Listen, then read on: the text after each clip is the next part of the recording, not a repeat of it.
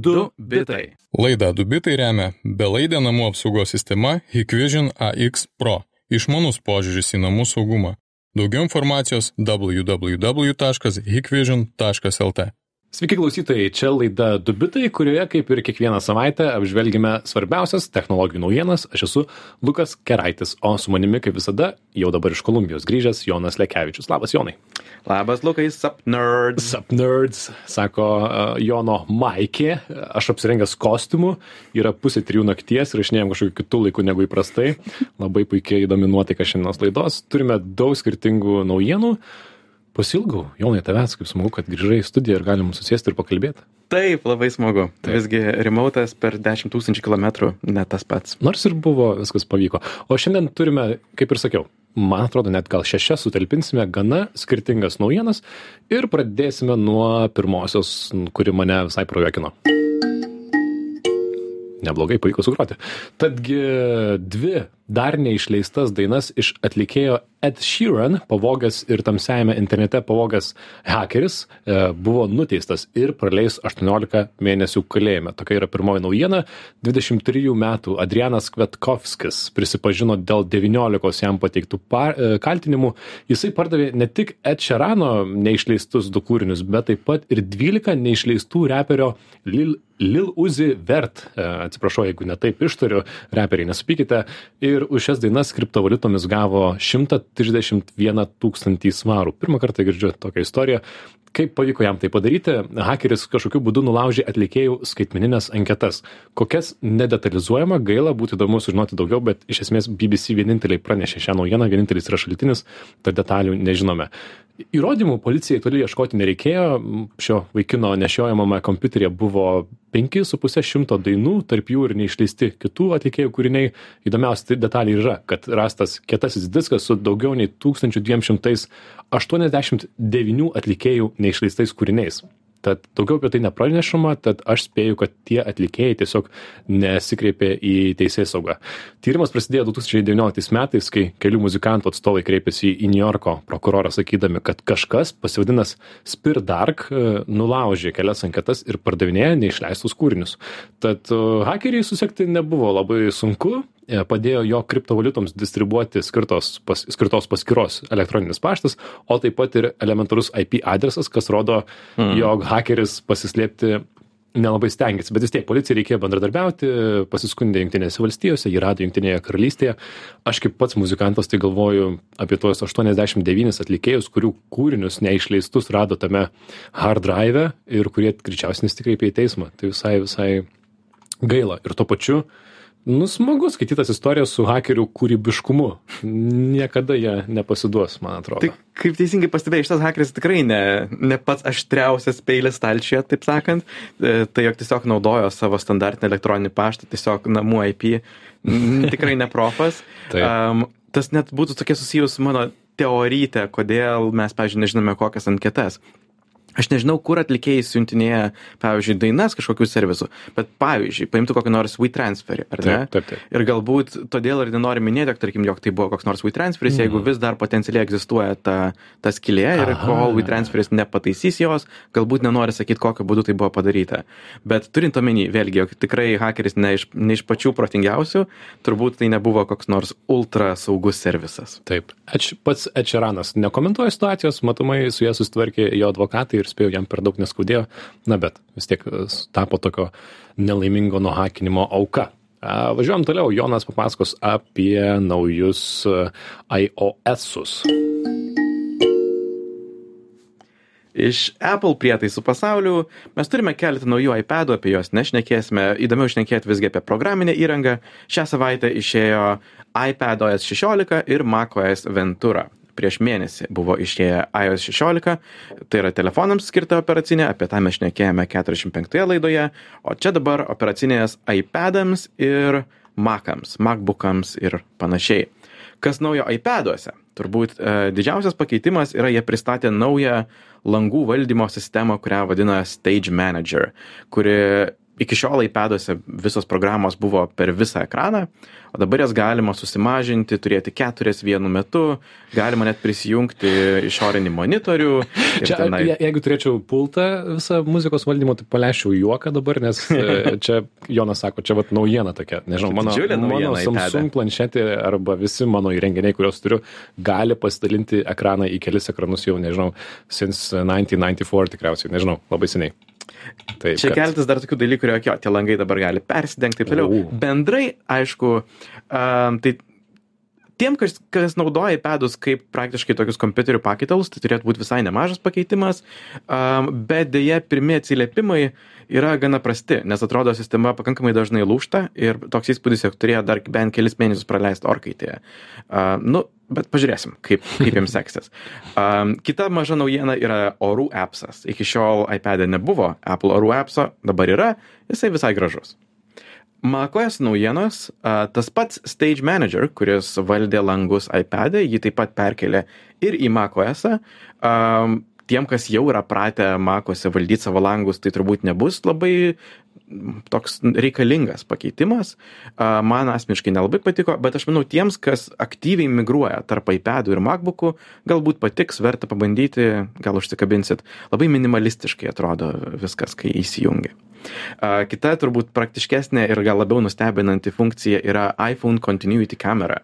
Tai yra galimybė naudoti iPhone'ą kaip kamerą savo MacBook'ui. Yeah. Čia tai, čia tai kietai, čia tai fainai. Supratau. Labai magiška funkcija. A, Toks įspūdis, jog tiesiog pasirenki dar vieną kamerą iš sąrašo, ta kamera yra tavo iPhone'as ir staiga iPhone'as belaidžių būdu transliuoja savo kameros kokybišką vaizdą, lyg jisai būtų webcamas tavo, tavo a, nešiojamo kompiuterio.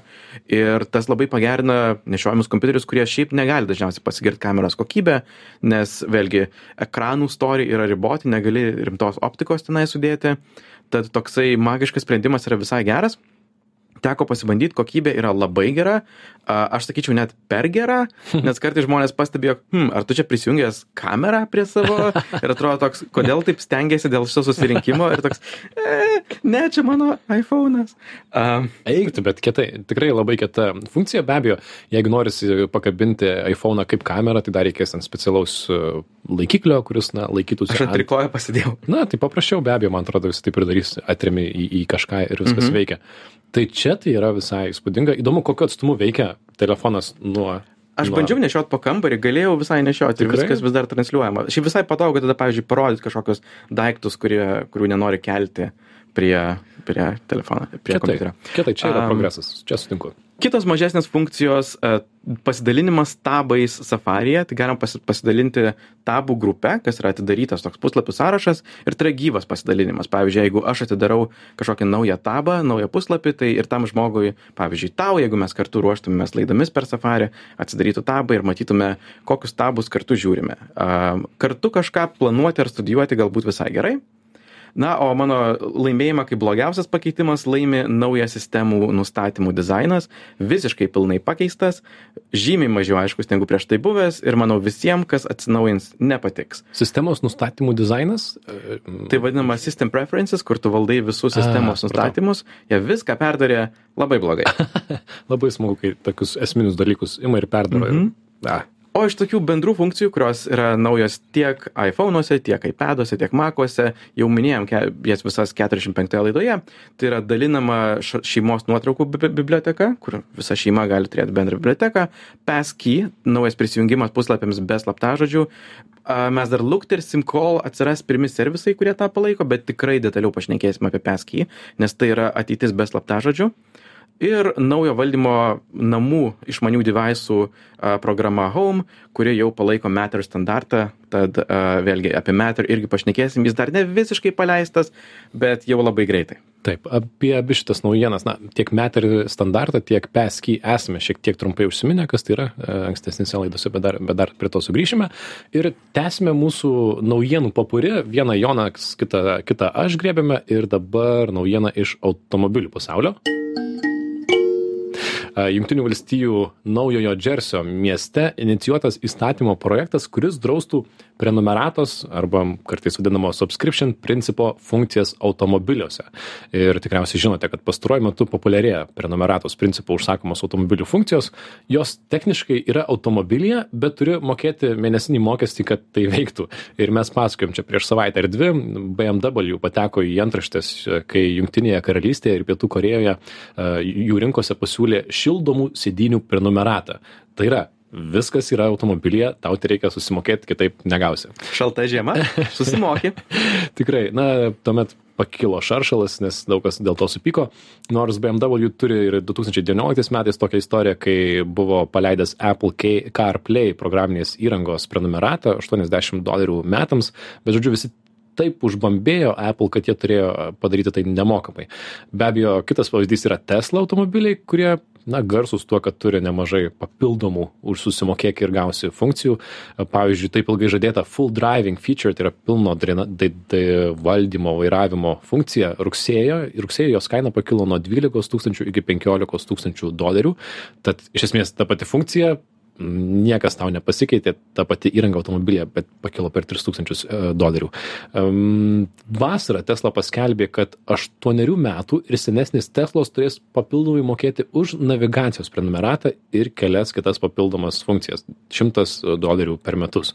Na, pasak jų, neva senas Teslas palaikyti jiem kainuoja pakankamai brangiai kad šis įstatymas, kuris inicijuotas naujame Džersėje, įsigalios galimybė tikrai gana maža, kol kas tai yra tiktai įstatymo projektas politikai inicijavę šį projektą norėtų skirti 10-20 tūkstančių baudą už įstatymo nesilaikymą.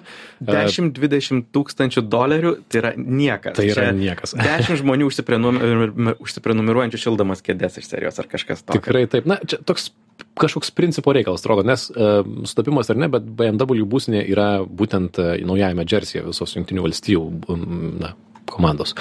Ir um, automobilių gamintojai galėtų nesilaikyti šito įstatymo, jei prenumerata, uh, cituoju, padengia išlaikymo išlaidas, ką be abejo kiekvienas automobilių gamintojas galėtų pritemti.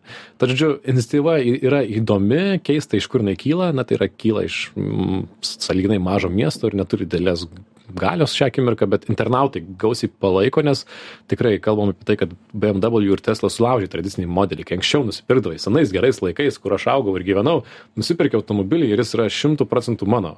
Ir su pardavėju noriu susitikti nebent jeigu reikės kokios detalės papildomos. Tai ne, dabar taip nėra ir viskas primena man modelį, kai, nežinau, užsisakai viešbutį už šimtą 50 eurų ir sako, nu tai dar 5 eurus už Wi-Fi sumokėk. Arba Lietuvoje šitas pavyzdys visai kartais paminimas, kai vienas yra e, bilietų platintojas, neminėsime koksai, pas jį nusipirki bilietą ir dar turi už ten centukus 20-30 ar eurą e, nusipirkti internetinį bilietą. Už ką? Kodėl turiu papildomai mokėti už internetinį bilietą? Jis nieko nesveria, aš ne, nekartu medžių. Žodžiu, psichologinis barjeras. Aš nekenčiu to momento, kai aš turiu sumokėti tuos centus ar eurą Tai yra mano nekenčiamiausias turbūt mokestis. Taip. Mes grumuojame į tave neįvardintas bilietų platintojau. Taip, ir mums pritarė e, visi internautai, kurie irgi taip pat žmonės labai nemėgsta iš tų papildomų funkcijų pirkimo. Ir aš manau, kad šita mada, na, nežinau, manau, kad ji praeis, spėju, kad liks tam tikrom iš esmės tikrai papildomom funkcijom arba na gerai jeigu tu atnaujinai programinę įrangą ir padarei ją gerokai stipriai geresnę ir tu nori būti pirmiau visų tuomet papildomai susimokėk ar ne bet ne už tai kad tau įjungtų šildymą kuris šiaip yra tavo sėdynėje tai Fuh, atsiprašau, šiek tiek išsi. Aš susenu, mano automobilis, kadangi nėra toks išmanus, kad prašytų manęs prenumeratų, tai aš ačiū, ačiū visiems, kad taip yra. Bet, žodžiu, pykstu ne tik aš, pyksta visi jungtinių valstybių internautai. Tai tiek. Tai tiek. Pasiskundžiu. Ir e, kita naujiena yra apie Netflix. Mūsų skritukas skamba taip. Dar beje, žinių radio klausytėm priminsime, kad jūs girdite laidą Dubitai, joje mes su Jonu aptarėme svarbiausias savaitės technologijų naujienas. Šiandien darome naujienų papurį įvairios, įvairios naujienos ir sekanti naujiena yra apie tai, kad Netflix steigs savo žaidimų kūrimo studiją. Netflix jau kurį laiką rimtai galvoja apie žaidimus, ne vien tik tai video turinį, jau beveik du metus kalba, a, jog tai bus tokia platforma visokiausiam pasilinksminimam internetu a, ir prenumeratoriai taip pat turėtų prieimą prie visos Netflix žaidimų bibliotekos. Iki šiol tas žaidimų turinys buvo labai ribotas, aš sakyčiau, keliolika tokių simbolinių žaidimų, um, ypač apie jų populiariausius serialus, pavyzdžiui, Stranger Things yra toksai, sakyčiau, vėlgi simbolinis žaidimas ir keletas tokių labai paprastų, itin paprastų e, žaidimukų mobiliesiems telefonams. Ko nežinojau, jog Netflix jau iki šiol turėjo nusipirkę tris žaidimų studijas - Boss Fight, New School ir Next Games. Visos trys uh, kūrė iš esmės mobilius žaidimus, uh, jos nebuvo įkurtos Netflix, tiesiog įsigytos. Uh, pavyzdžiui, Next, Next Game buvo įmonė e, žaidimų kūrėjimo studija, kuri jiem padėjo sukurti Stranger Things žaidimą ir po to Netflix juos įsigijo. Um, praeitą mėnesį buvo naujiena, jog Netflix paskelbė įkursinti pirmą savo pačių vidinę žaidimų studiją Helsinkije, kuriai turėjo vadovauti vienas iš Zinga žaidimų kuriejų, padėjo sukurti Farmville 3. Vėlgi tai akivaizdžiai indikuoja, jog tos studijos fokusas toliau būtų mobilieji žaidimai. Tačiau sak- Netflix sako, jog tikslai visgi ambi- ambicingesni, tai nebus paprasti mobilų žaidimai, o kažkas, kam reikėtų bent keleto metų a, didesnės ambicijos, ne tiesiog greiti paprasti žaidimukai. A, Tad manau, kad ilgai negirdėsime iš tos studijos nieko, bet tikiuosi, jog kažkas didesnio išeis. Ir čia labai geras planas. Aš manau, aš bent jau linkiu Netflixui ir pats išbandyčiau, jeigu tai bus kažkas tikrai išskirtinio, nes, na, mobilių žaidimų, kad jų šią akimirką trūksta rinkoje, tai negalėčiau pasakyti, bet iš Netflixo mhm. tikiesi ar ne kažko ypatingo. O šios savaitės naujiena yra, jog Netflix teigia dar vieną savo žaidimų studiją, šią pietų Kalifornijoje. Tik jai jau vadovautų iš Blizzard iš čia išėjęs Čako Sony, kuris prieš tai dirbo prie Overwatch. Ir kas žino arba esate žaidę Overwatch, tai jau tikrai nebe mobilus žaidimas, o tikras didelis intensyvus kompiuterinis žaidimas, komandinis shooteris FPS. Uh, Esi žaidęs? esu žaidęs, man patinka jisai, a, dabar šie Overwatch 2. A, puikus žaidimas, bet vėlgi tikrai ne, nemo, nemobilaus, a, Mhm. nemobilios ambicijos. Ir su tuo susijusi kita naujiena, kurią taip pat paskelbė Netflix, jog jie galvoja apie tą vadinamą žaidimų transliavimą arba streaminimą. A, tai yra tai, ką darė prieš kelias savaitės numarinta Google Stadia, apie kurią aš nekėjom prieš kelias laidas, kur serveriai debesyje vykdo tuos žaidimus ir tau tiesiog transliuoja žaidimo e, vaizdą. Tau nereikia turėti jokio galingo prietaiso, kaip konsolės namuose, gali net telefonu tiesiog žaisti labai kokybiškus žaidimus ir to reikės, jeigu šita nauja Pietų Kalifornijoje esanti studija sukurs tikrai Overwatch dydžio ambicijų žaidimus. Mm, būtų puiku, na, aš tik, kai tik paminė Google Stadia, man mintise tas vaizdas, tas jų traileris, kuriame buvo pažadėta, kad tu žiūri, na, žaidimo trailerį, ar ne, YouTube'e, paspaudi mygtuką ir tave įmeta į žaidimą ir perdada tau kontrolę. Iškart Čia žaidė. yra pats didžiausias neišsipildęs pažadas technologijų pasaulyje, tikriausiai kokią esu matęs. Tai tikiuosi, kad Netflixui galbūt pavyks kažką bent panašaus padaryti. O kita mūsų naujiena yra iš trijų seniai matytų raidžių susijusi su NFT. Tikrai netikėta. NFT vėl trendina ir iš šaltinio, iš kurio visiškai nesitikėjau, Reddito. Tai yra tokia diskusijų platforma, forumai internete Reddit, kurie jau beveik e, metai kaip eksperimentuoja su tai, ką jie vadina, kabutėse, kolekcionuojamais avatarais. E, Bendrai žmonės Reddite yra labai tokie pseudonimai, jie nenaudoja savo tikrų vardų, nuotraukų ar kažko tokio, todėl visi įsikeldavo galbūt kažkokį paveiksliuką, Redditas sukūrė avatarus, tokius e, kaip jų ateiviukas, toks simbolinis atrodantys žmogeliukai, kuriuos galima susikonfigūruoti iš visokiausių dalių, ten galvų, akių, plaukų ir taip toliau. Ir su šitais kolekcionuojamais avatarais Redditas leido žmonėms nusipirkti tokias unikalias išvaizdas, kurias, kuris buvo ribotas leidimas, galima sakyti, ir jas taip pat naudoti to savo avataro susikūrimui. Kad Tai yra, jog Reddite žmonės matytų, jog tu atrodai kaip nors ypatingai. Mhm. Ir iš jų aprašymų niekur žodė, ne, niekur nebuvo paminėta, jog tai yra NFT, um, jog tai egzistuoja blockchain'e, bet tai yra NFT, tai egzist- egzistavo poligono blockchain'e, tą buvo galima persikelti į savo piniginę ir net pardavinėti per prekybvietės. Ir šį savaitgalį ir taip pačiom dienom jie išleido savo naują su Helovino susijusiu tokią kolekciją tų avatarų ir staiga visa kategorija išsprogo. vien per savaitgalį buvo kelių milijonų a, vertės ben- bendras mainų kiekis, žmonės nori pirkti tuos a, avatarus, mainytis juos. Um, ir ypač įdomu, kaip žmonės, kurie anksčiau kritikavo NFT ir sako, čia visiškai nesąmonė, staiga kažkodėl susidomėjo tais kolekcionuojamais avatarais, kai aprašyme nėra žodžio NFT. Uh, manau, kad visgi Reddito strategija čia labai suveikė. Nieko neminėta apie tą NFT, kuris daugam siejasi su, siejasi su visokiais me- melagienomis, ne melagienomis, uh, Apgavystėmis. Apga, apgavystėmis ir visokiausiais kvailais bežionių paveiksliukais. Um, taip pat nereikalavo turėti kripto piniginės, leido tiesiog mokėti kortelę ir viską, visą tą paslėpė nuo žmonių ir staiga jiems patiko. Sugalvojo Redditas įšokti į jau, jau beveik, kaip ir sakyčiau, nuvažiavusi traukinį, e, bet e, neminėt tų trijų raidžių ir šiek tiek ir suveikė. Nors e, įdomu, kada iš NFT srities ateis tokia didesnė naujiena, nes šis rduotai toksai, ar ne, gana saliginai ramus. Tai va, Redditas įsišoko šitoje temoje šiek tiek. Ir dar tikriausiai pabaigai spėsime vieną naujieną iš tokio, man atrodo, Black Mirror serialo U. temos. Tikrai, tikrai, bent man taip atrodo, Junktinių valstybių karinis laivynas nori dronų spiečiaus. Iš Junktinių valstijų karinio laivyno pateiktų finansavimo dokumentų aiškėja, kad jis siekia sukurti ir naudoti tūkstančių mažų dronų, tai yra kvadkopterių tiksliau, spiečiaus technologiją e, savo smulkumu ir kiekiu galinčią sutriškinti prieš lėktuvinės gy- gynybos ginklus. Apie tai praneša MIT Tech Review, tad na, tikrai e, solidus e, naujienų portalas, kitaip tikrai, tikrai nepasakočiau. Kartu su dronais valtimis, povandeniniais ir kitokiais dronais šitie dronai patenka į projektą pavadinimu Super Swarm, super, mm, kas čia, super būrys, super mm, vabzdžių. Na, Čia, čia, čia, čia šiaip ar taip turiu tave pataisyti, Lukai. Taip. Tai nesisako Super Swarm, sakosi Super Swarm. Ačiū. Aš jau galvojau, kažką jau čia visai neto pasakiau. Ir žodžiu, iš to finansavimo projekto, kurį na, skait- skaitė žurnalistai, e, aiškėja, kad ateities konfliktuose galėtų būti naudojami tūkstančiai, tūkstančiai, daugybė tūkstančių mažų, kelis kilogramus sprogmenų nešančių dronų, kurie visus naikintų tiesiog, kuriuos naikinti būtų tiesiog per sudėtinga, nes jų yra tiek daug. E, Jie turėtų suprasti savo aplinką, ją matyti ir kiek primintų uodų ar paukščių pulką ir taikytųsi specifiškai į svarbiausius mažus taikinius, tai yra antenas, valdymo pultus ir panašiai. Na, žodžiu, visiškai Black Mirror scenarius.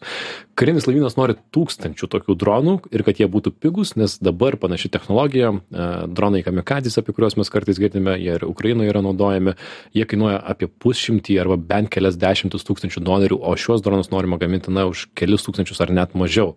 E, be abejo, jie turės koordinuotis tarpusavyje. Vienas karo technologijų akademikas e, įdomiai pakomentavo, kad kaip Amazon įsivaizduodama ateities pristatymus vienu metu dirba ir ties dideliais 18 račiais, autonomiškais sunkvežimiais ir mažais pristatymo dronais, vadinamai last mile, tai yra paskutiniai myliai, tai panašių sprendimų ieško ir kariuomenė. Ir Junktinės valstijos jau yra ištestavusios 40 savarankiškų karinių dronų spiečių, tai yra jie skrenda kartu, mato vienas kitą ir veikia koordinuotai.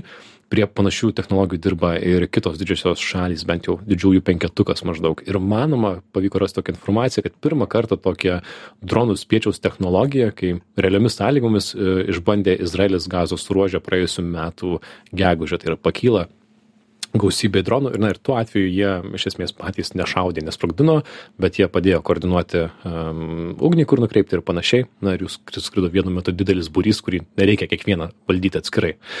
Tad, wow, aš pats, kadangi dronų technologijas gaunasi, kad seku, nes tenka filmuoti nemažai reportažų apie dronus. Kas matėt, pažiūrėjau, rugsėjai virš Baltojo tilto, čia Vilniuje vyko šimto dronų šviesų šou, visai spūdingai atrodė, tokie skraido, jie koordinuotai, baletą šoka.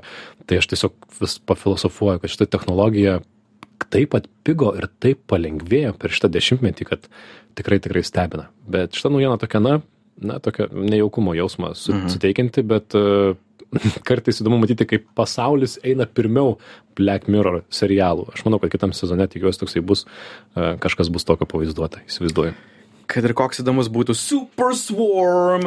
Aš visgi suprantu, jog jo, šnekėti apie karo technologijų naujienas tikrai nėra linksmiausias dalykas, nes wow, pamatytum kokį skraidantį šimtą dronų ir toks žiauriai cool ir da, oh, jie visi gali nešti po kilogramą bombą. Taip, taip, ir, ir be abejo, tos naujienos, jos dažnai yra, na, karinės technologijos, jos vis slaptos, tai labai kažkas mažai išeina į, į viešumą, bet kars nuo karto žurnalistai atseka, tai ačiū jiems ir mes tada galim papasakot.